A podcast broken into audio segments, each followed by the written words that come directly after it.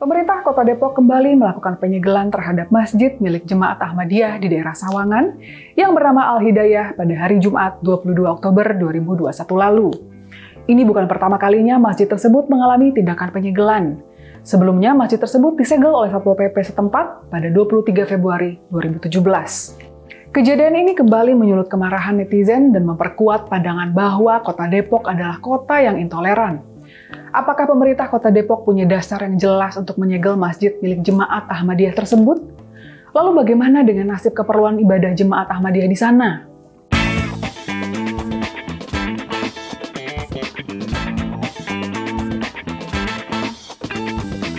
Samsul Alam Agus, pendamping Jemaah Ahmadiyah Depok dari Yayasan Satu Keadilan, mempertanyakan langkah pemerintah kota Depok yang menyegel ulang Masjid Al-Hidayah. Berdasarkan keterangan Samsul, proses pemasangan baru papan penyegelan di Masjid Al-Hidayah Depok itu dilakukan secara show force atau unjuk kekuasaan di mana Satpol PP menyertakan sekitar 50 orang yang berorasi yang menyebarkan kebencian terhadap jemaat Ahmadiyah lewat orasinya itu.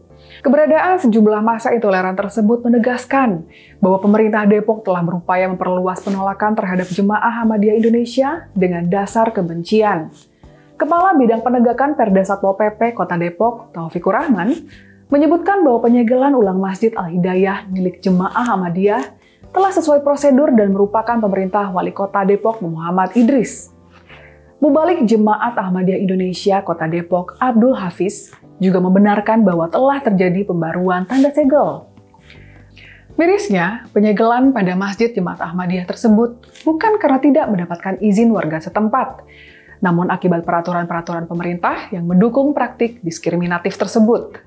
Samsul Alam Agus membeberkan bahwa Masjid Al-Hidayah sudah mengantongi IMB rumah ibadah sejak 24 Agustus 2007. Sebagai catatan, penerbitan IMB rumah ibadah membutuhkan tanda tangan warga sekitar sebagai bukti kesediaan mereka menerima keberadaan bangunan tersebut di sekitar tempat tinggal warga. Maka, Terbitnya IMB tersebut sudah dengan gamblang menunjukkan bahwa tidak ada penolakan warga sekitar terhadap keberadaan Masjid Al-Hidayah ini. Penyegelan justru didasarkan pada surat keputusan bersama Menteri Agama, Jaksa Agung, dan Menteri Dalam Negeri nomor Cap 033 garis piring A garis piring JA garis miring 6 2008 tentang peringatan dan perintah kepada penganut, anggota dan atau anggota pengurus Jumat Ahmadiyah Indonesia dan warga masyarakat pada tahun 2008. Pasca terbitnya SKB 3 menteri tersebut, mereka mulai dihalangi untuk beribadah. Mulanya masjid mereka disegel dengan menggunakan balok yang diletakkan di pintu masjid. Padahal dalam SKB 3 menteri hanya ada klausul yang menyebutkan bahwa JAI dilarang menyebarkan ajarannya. Menurut Samsul, Jemaat Ahmadiyah Depok tidak pernah melakukan penyebaran atau syiar paham ajaran mereka dan hanya menggunakan Masjid Al-Hidayah sebagai sarana ibadah dan untuk kegiatan-kegiatan internal umat. Namun pada tahun 2011, Pemkot Depok menerbitkan Peraturan Wali Kota Nomor 9 Tahun 2011 yang kemudian disusul oleh menerbitan Surat Perintah Wali Kota Depok nomor 300 garis miring 130 1 strip Satpol PP pada 22 Februari 2017 yang mengatur lebih jauh pembatasan terhadap aktivitas Jemaat Ahmadiyah di Kota Depok. Akibatnya, masjid milik Jemaat Ahmadiyah tersebut mulai dipasangi pelang segel. Terbitnya Peraturan Gubernur Jawa Barat Nomor 12 Tahun 2011 juga menjadi faktor yang kian mempersulit Jemaat Ahmadiyah Indonesia atau JAI untuk beribadah Akibat rekam jejak yang seperti ini, pihak JAI memandang pemerintah Kota Depok memang secara sengaja melanggengkan praktik intoleransi. Impian Kota Depok untuk dipandang sebagai kota layak anak dan kota hijau rasanya semakin jauh dari kenyataan. Citra yang lebih kuat melekat pada kota tersebut adalah citra intoleransinya. Menanggapi masalah intoleransi yang menjerat JAI, Terdapat sejumlah pihak di luar JAI yang menyuarakan penolakan terhadap aturan-aturan intoleran yang ada dan mendesak pencabutan aturan tersebut. Salah satunya Setara Institute, sebuah lembaga riset yang berfokus pada isu-isu demokrasi dan perdamaian. Lembaga tersebut mendesak Presiden RI Joko Widodo untuk mencabut SKB 3 Menteri tahun 2008. Mengacu pada data longitudinal kebebasan beragama atau berkeyakinan setara institut, dalam lima tahun terakhir saja JAI menjadi korban pelanggaran KBB dalam 54 peristiwa dan 83 tindakan. Selain itu, lembaga tersebut juga mendesak Gubernur Jawa Barat Ridwan Kamil dan Wali Kota Depok Muhammad Idris untuk mencabut peraturan yang mendiskriminasi jemaah Ahmadiyah di wilayah masing-masing, yaitu Pergub Jawa Barat nomor 12 tahun 2011 serta Perwal Kota Depok nomor 9 tahun 2011. Pergub dan Perwal tersebut justru bertentangan dengan UUD 1945 yang menjamin kebebasan berserikat dan berkeyakinan bagi seluruh warga negara.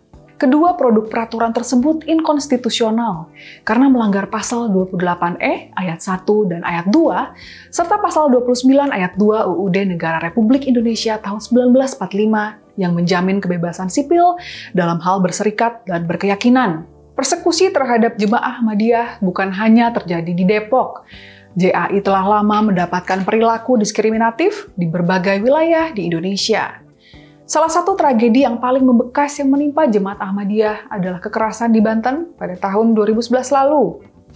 Peristiwa itu bermula ketika elemen massa yang mengatasnamakan gerakan Muslim Cikesik merencanakan untuk membubarkan Ahmadiyah di wilayah itu. Masa berjumlah 1.500 orang menyerang lokasi jemaat Ahmadiyah di Desa Umbulan, Kabupaten Pandeglang. Korban pun berjatuhan dari pihak Ahmadiyah. Terdapat enam orang yang tewas dalam peristiwa tragis tersebut. Satu mobil milik umat JAI dibakar, dan satu rumah milik umat JAI dirusak. Masjid Al-Mubarok milik JAI di Kampung Sindang Barang, Bogor Barat, disegel oleh pemerintah Kota Bogor pada 4 April 2011.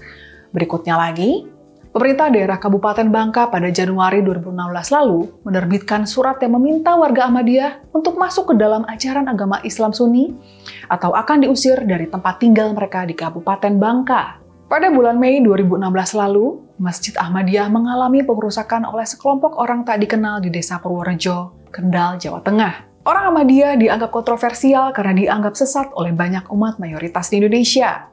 Bahkan banyak dari mereka meminta umat Ahmadiyah untuk tidak menyebut diri mereka Islam. Padahal dari perspektif orang Ahmadiyah, agama yang mereka imani itu adalah sebuah gerakan kebangkitan Islam dan merupakan suatu mazhab atau aliran baru dalam Islam. Perdebatan seperti ini sebetulnya sangat konyol. Kita semua sama-sama manusia, apa yang membuat kita merasa pantas memutuskan mana Islam dan mana bukan? Atau mana yang sesat dan mana yang bukan? Orang kita semua sama-sama manusia juga kok. Namanya ide-ide keagamaan dan ketuhanan itu kan bukan milik siapa-siapa. Jadi setiap orang harusnya bebas memaknai itu dengan cara masing-masing. Berbeda dengan misalnya brand seperti Facebook, itu jelas siapa pemilik copyright atau hak kekayaan intelektualnya. Artinya apa? Ya saya dan Anda nggak bisa seenaknya pakai itu brand atau mengubah-ubahnya menjadi yang lain sesuai perspektif kita. Sedangkan agama atau kepercayaan kan nggak ada pemiliknya di dunia ini. Jadi saya dan Anda atau siapa pun ya bisa memaknai itu dengan cara kita.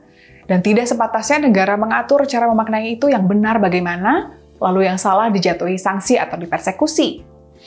Negara juga diisi oleh manusia yang sekali lagi tidak punya otoritas untuk menetapkan mana yang sesat dan tidak dalam hal keimanan. Sudah saatnya bangsa kita move on dari hal-hal seperti ini. Mari sama-sama belajar menyingkapi perbedaan dengan cara yang cerdas dan beradab. Bukan sedikit-sedikit langsung bikin aturan untuk membungkam orang lain yang tidak sepandangan. Segitu dulu ya pembahasan kita di episode kali ini. Jika Anda punya pendapat tentang isu ini, di bawah ini ada kolom komentar yang senantiasa terbuka sebagai tempat diskusi bersama. Silakan sampaikan pandangan Anda di sana ya. Jangan lupa like dan share videonya kalau dianggap bermanfaat. Terus juga subscribe channel GeoLife dan nyalain lonceng notifikasi supaya nggak ketinggalan episode selanjutnya.